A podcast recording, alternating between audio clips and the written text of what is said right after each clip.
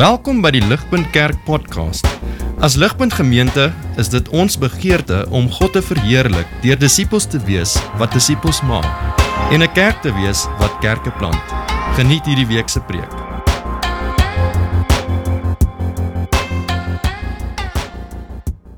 Vriende, ek wil begin deur gevinnig hier op die op die skerm agter my 'n uh, foto op te sit. Ehm um, dit dit is uh, dit was ek op universiteit. Ehm um, ek weet nie hoekom lag jy so nie Lukas. Ek bedoel ek weet ek kan nie sien nie. Ehm um, nee. Ek joke net. Ehm um, dis 'n ou met die naam van Rich Piana gewees. Rich Piana was 'n baie bekende Amerikaanse bodybuilder gewees. Ehm um, baie bodybuilding kompetisies gewen. Hy was 'n bekende YouTuber ook gewees. Ons kan nou afsit daar. Ehm um, hy was 'n bekende soos ek sê bodybuilder YouTuber gewees en toe in 2017 een aand by sy huis het hy letterlik in duie gestort.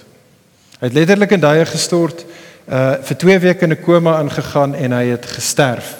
Ehm um, hulle het 'n autopsie gedoen na dit en by die autopsie het hulle uitgevind dat Rich Piana se Sy hart as ook sy lewer was twee keer die grootte van 'n normale hart en lewer gewees.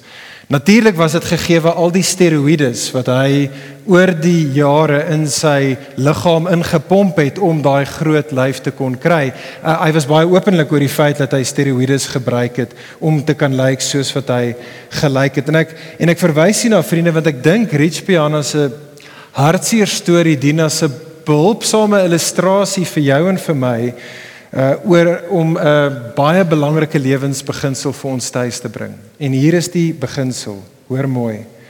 Vriende, indien 'n mens in hierdie lewe groei najaag, maar op ontoelaatbare maniere, wanneer ook al ek en jy probeer groei forceer, wanneer ook al ek en jy probeer groei manipuleer, kan 'n mens vinnige resultate bekom. Jy kan dit kry. Maar oor die lang termyn sal dit skade berokken, gesondheid belemmer en dit kan selfs fataal wees. En dit is nie net waar van ons fisiese liggame nie, daai beginsel tel ook wanneer dit kom by die liggaam van Christus, die kerk. Hoor mooi. Dit is moontlik, inderdaad, dit is redelik maklik om groei in 'n geloofsgemeenskap by wyse van ontoelaatbare maniere te probeer forceer om dit te probeer eh, manipuleer waar 'n mens wel in die kort termyn kan resultate sien maar waar oor die lang termyn dit skade sal berokken waar dit gesondheid sal belemmer en waar dit selfs vir 'n geloofsgemeenskap fataal kan wees. Hier is die ironie van dit alles en dit is waar as jy daar stop en dink, vriende, is dit waar van alle lewende organismes. Hierdie is hoe plante werk, hierdie is hoe ons liggame werk en hierdie is ook hoe die kerk werk. Die beste kans wat ons het in hierdie lewe tot ware groei. Ek praat nie van fake oppervlakkige groei nie, maar ware groei is nie om so seer op groei te fokus nie. Dit is nie om groei te probeer forceer of manipuleer nie, maar eerder om gesondheid geduldig en getrou en gehoorsaam te kultiveer.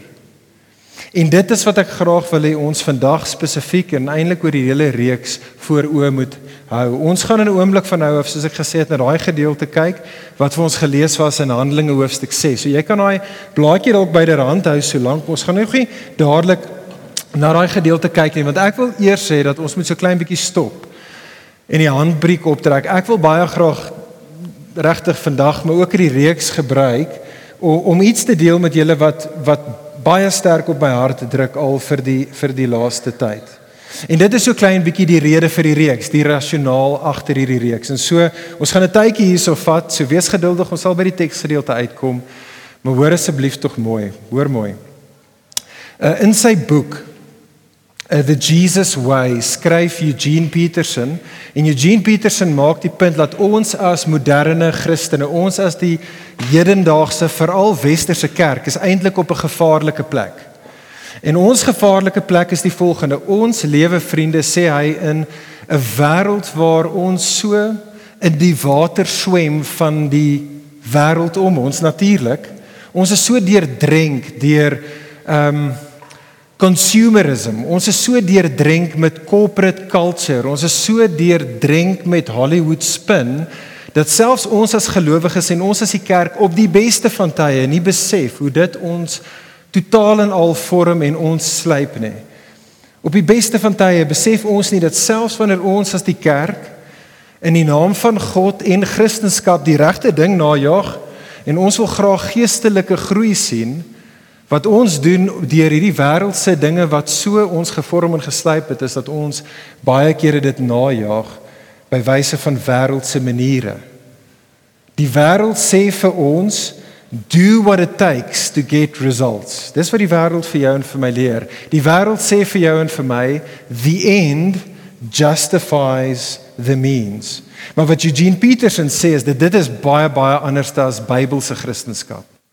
Bybelse Christendom sê Jesus Johannes 14 vers 6 sê Jesus oor homself hy sê I am the way and the truth and the life. Met ander woorde, die manier wat die ware lewe in Jesus gevind word is nie net as ek en jy onsself gaan besig hou met die waarheid oor Jesus nê, maar ook as ons onsself besig hou met die weg van Jesus. Ware groei kom nie net soos wat ek en jy doen wat Jesus sê nie.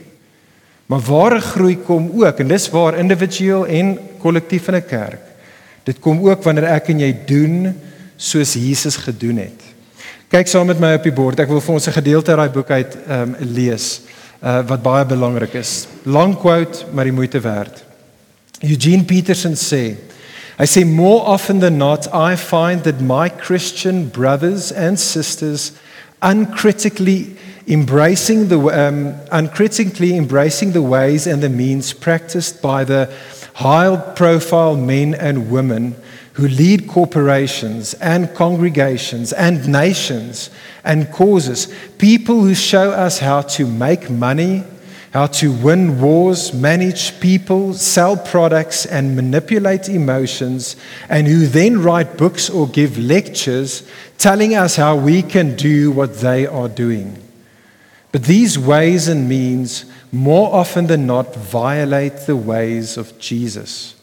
North American Christians, en jy kan daarso insit Suid-Afrikaanse, Afrikaanse Christene. North American Christians are conspicuous for going along with whatever the culture decides is charismatic successful and influential, whatever get things done and whatever can gather a crowd of followers, hardly noticing that these ways and means are at odds with the clearly marked way that Jesus walked and called us to follow.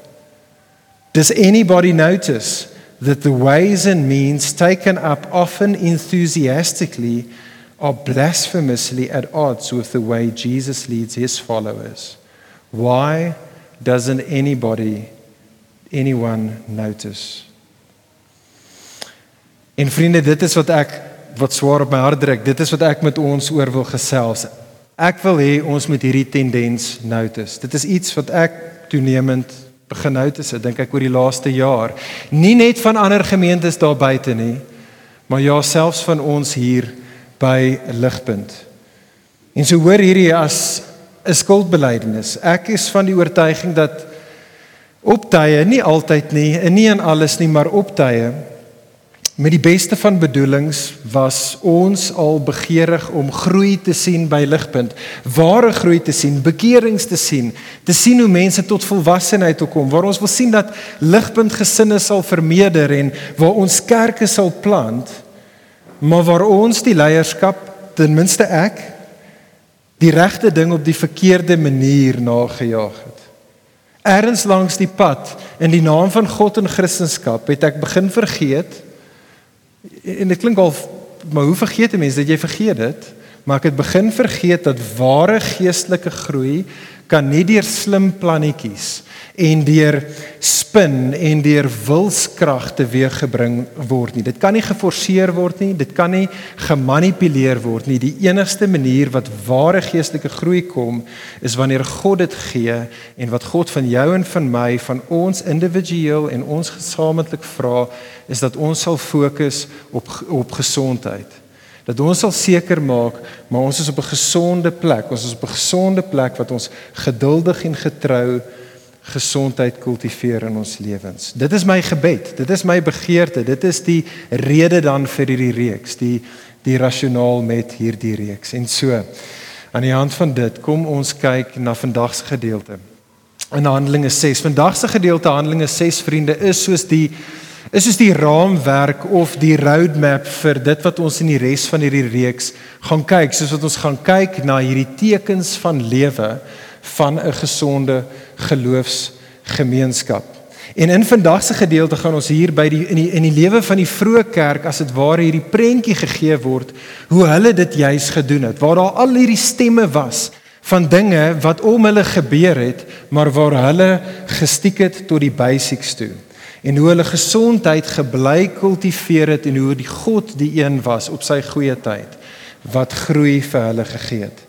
So kyk ons as saam met my in die gedeelte dit breek op in drie bewegings.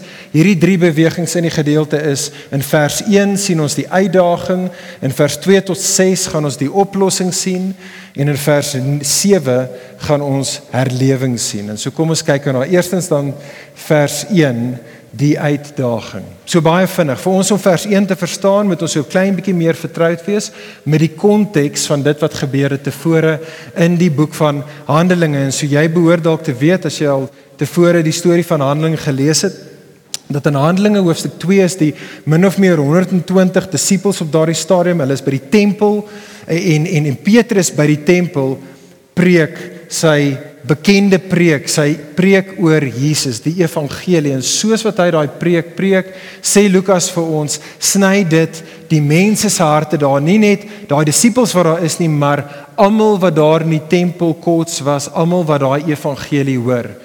En daai die gees van God word uitgestort op daardie groep mense, daar's radikale bekering soos wat hulle in geloof na Jesus toe draai.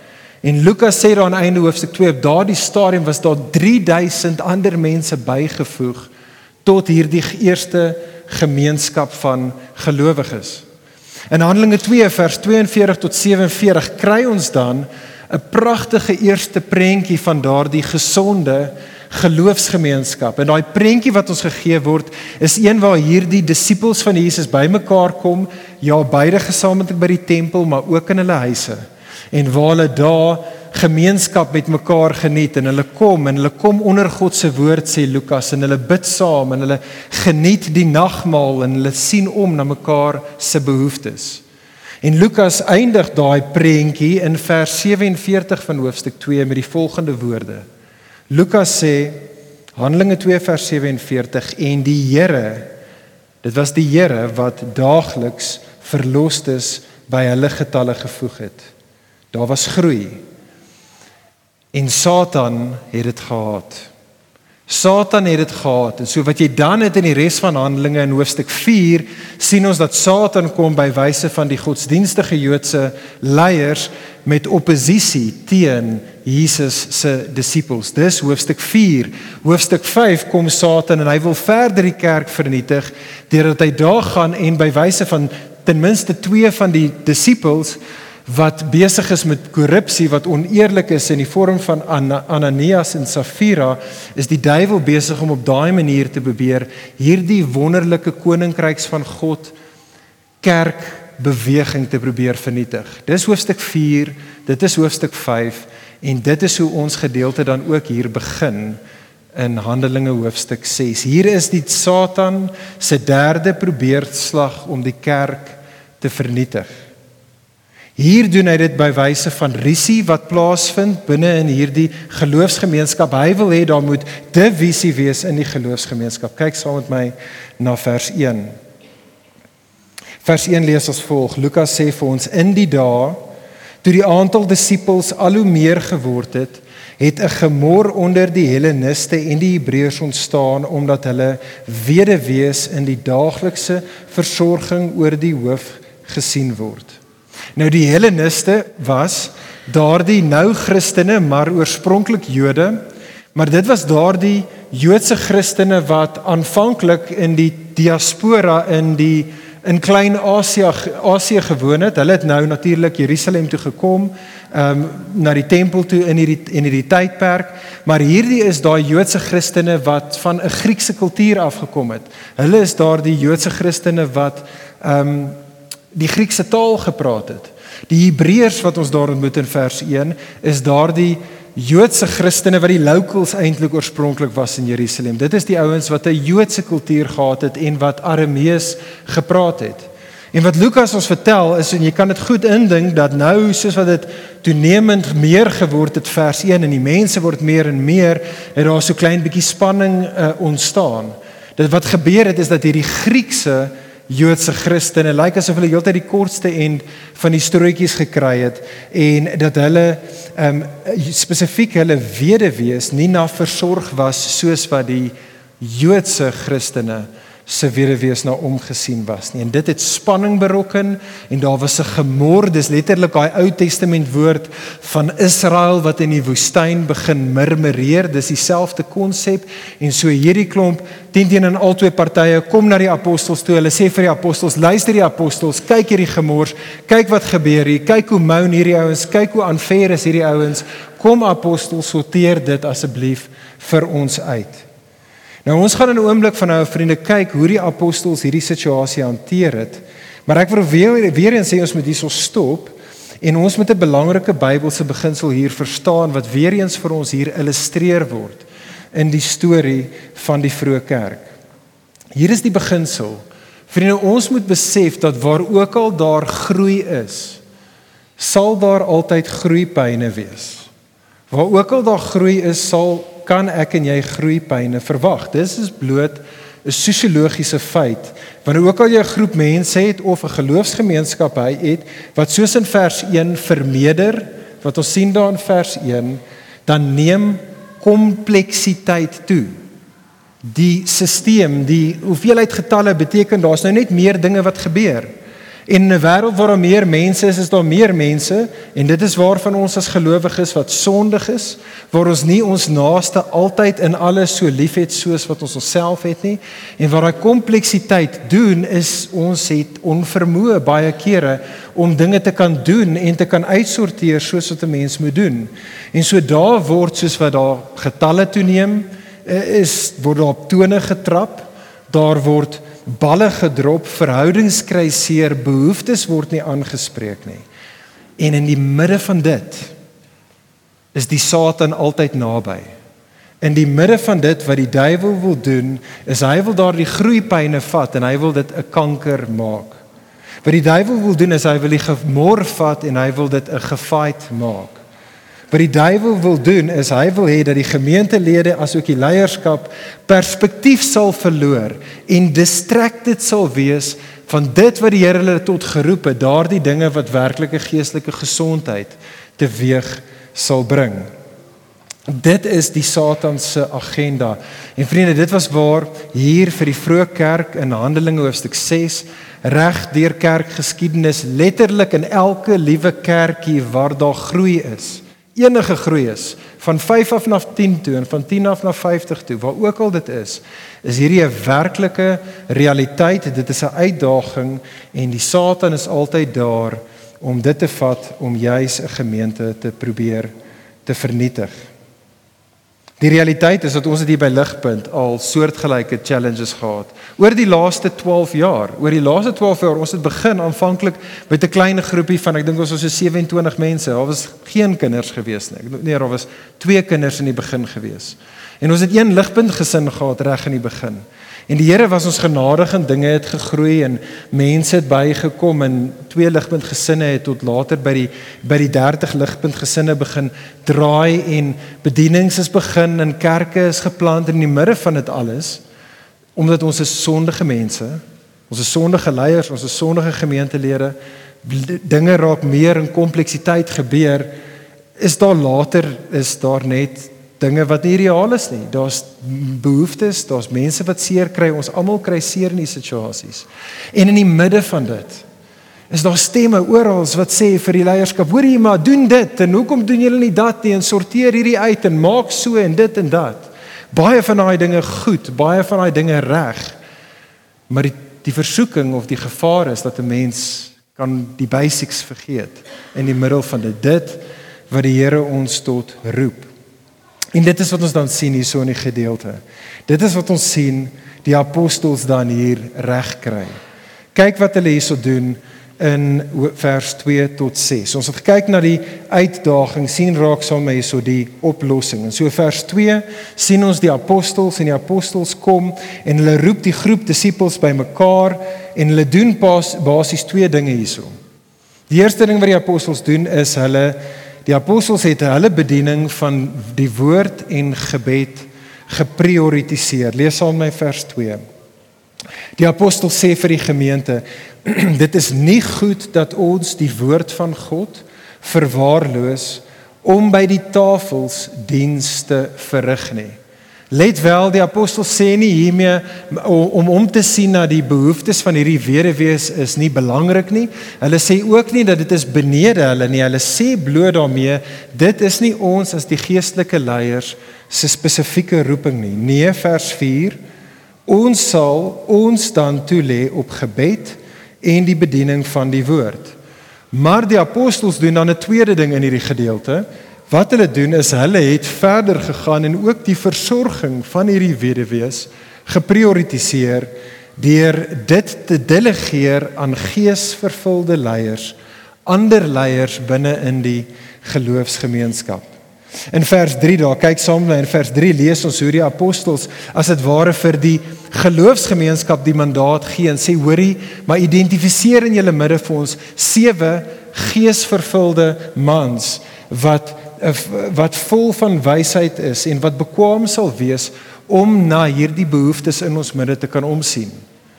En so die die gemeente gaan dan en hulle stel voor 'n um, 'n groep van hierdie mans wat dan voor gebid word deur die ouderlinge, hande opgelê word en hierdie groep raak dan 'n nuwe groep van leiers binne in die plaaslike kerk wat juis daar is om die gemeente te help om gesonder te wees sodat die geestelike leiers, die apostels op daardie stadium dat hulle dit kan doen wat die Here hulle tot geroep het maar tergelykertyd dat hierdie behoeftes in die gemeente aangespreek kan word. En vriende hoor hoor weer eens net soos vir hulle so ook vir ons.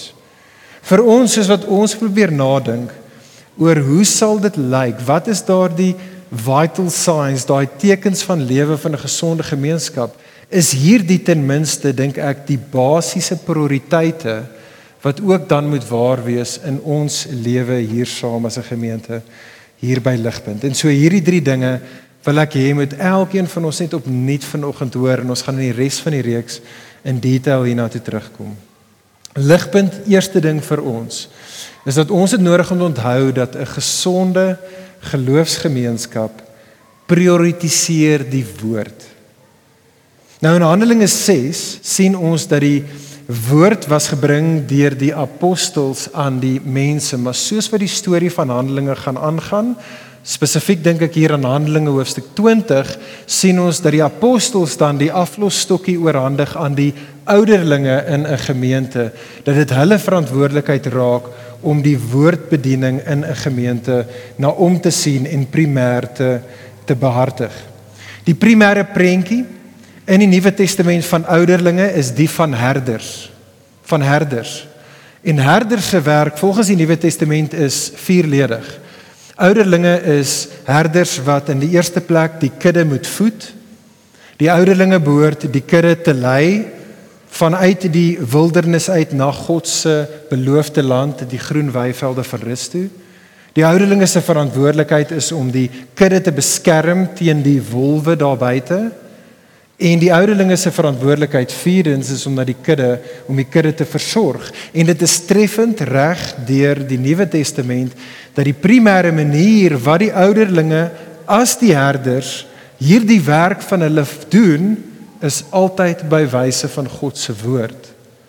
God se woord is daardie kos en daardie lewenswater vir God se kudde.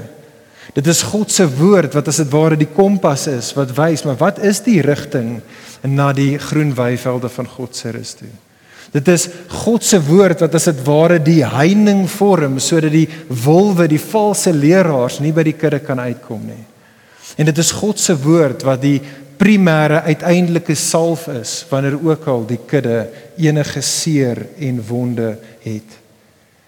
Nou ek gaan nie nou te veel hier uitbrei nie vriende. Ons gaan in die reeks wat nou gaan kom, gaan ons ten minste 2 weke spandeer om juis in te zoom en meer te na te dink oor juis dit. Hoe lyk dit en hoe sal dit vir ons as 'n ligpunt lyk om 'n toenemend 'n gemeente te wees waar ons God se woord sentraal hou tot alles wat ons doen. Ons gaan in die res van die reeks nadink oor woordgesentreerdheid as 'n vital sign van 'n gesonde geloofsgemeenskap. Maar vir nou wil ek net hê ons moet op 'n groot op die groot prentjie uh, vlak hierdie beginsel besef.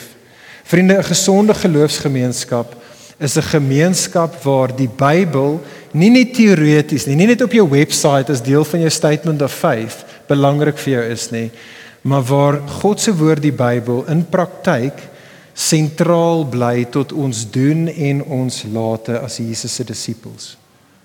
Hoor dit weer eens, dit maak nie saak hoeveel mense in 'n kerk is nie. Dit maak nie saak hoe groot of hoe fancy die gebou is nie, dit maak nie saak hoe amazing die musiek is nie. Dit maak nie saak hoe relevant die preke is en hoeveel kerke geplant word en hoeveel sopkombuise gehardloop nie word nie. Indien die woord van God nie sentraal is tot die doen en die late van alles in daardie gemeente wat ons dink en doen en sê nie, dan is daardie gemeente op geleende tyd. En indien niks gaan verander nie, is dit net 'n kwessie van tyd en daai gemeente sal tot sterwe kom. En so ons wil in hierdie reeks mekaar aanspoor om die woord van God in alles, wanneer ons saamkom en wanneer ons apart is, maar om die woord van God altyd sentraal te hou. Hier is die tweede ding wat Handelinge 6 ons as 'n gemeente tot roep. Ons sien hier sodat 'n gesonde geloofsgemeenskap prioritiseer gebed. Ek dink hierdie is die observasie uit die teks uit wat met my die hardste praat.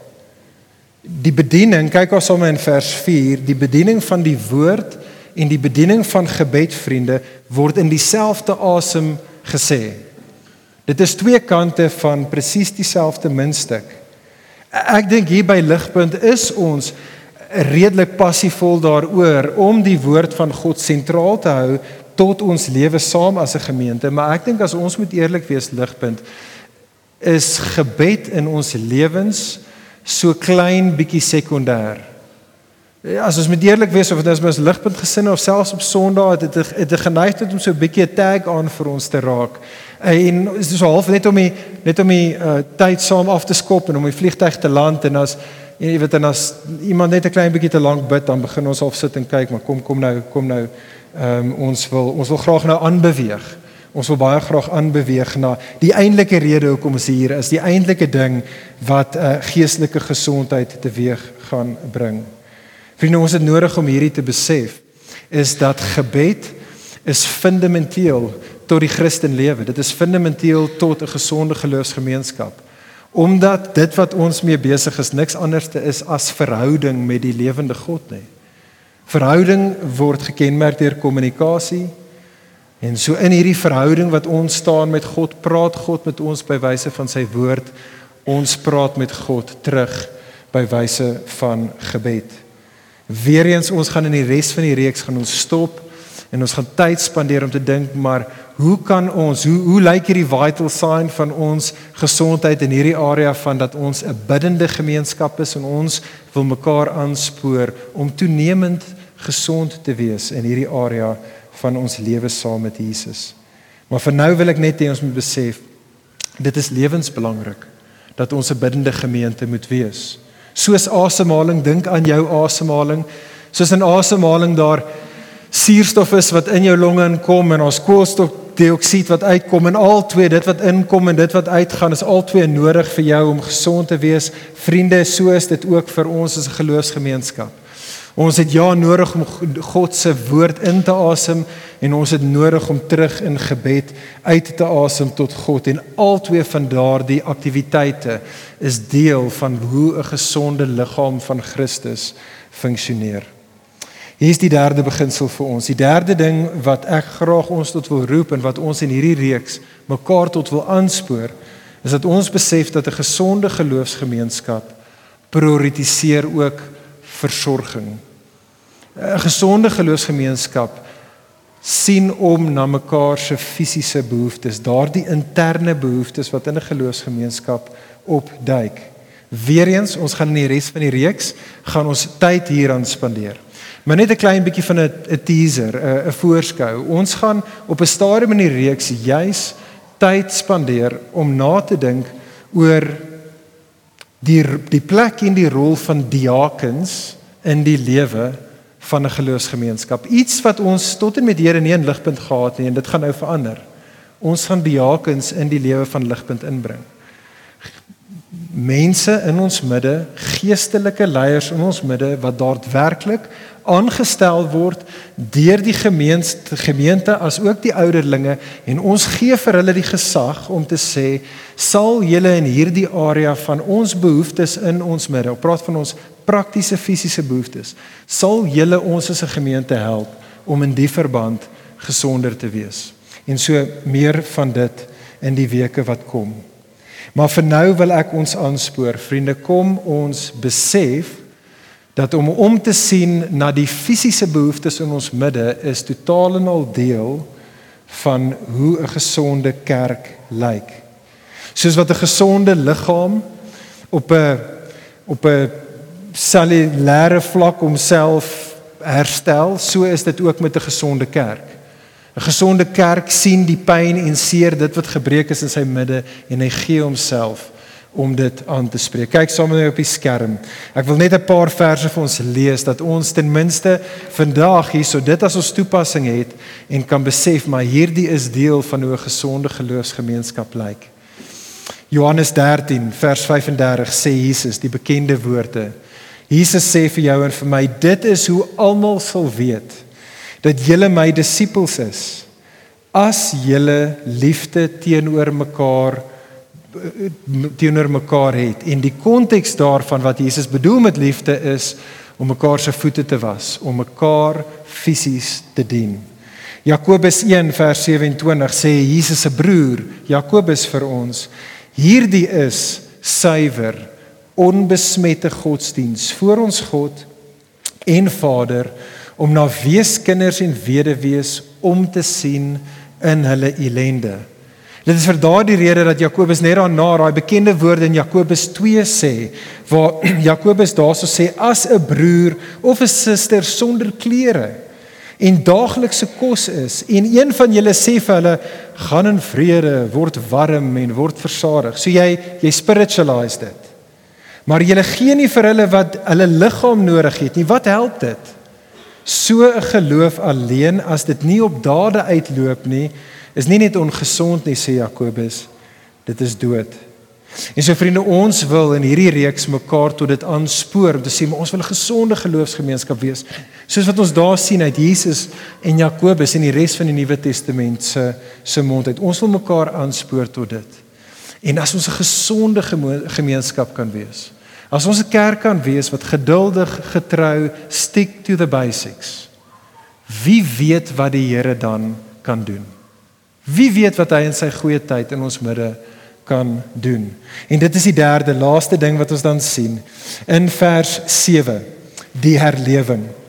Handelinge 6 vers 7 sê Lukas vir ons en die woord van God het versprei en die aantal disippels in Jerusalem het aansienlik vermeerder en 'n groot menigte van priesters het aan die geloof gehoorsaam geword. Vriende, hierdie is die logiese vloei van die bewegings in hierdie sewe versies.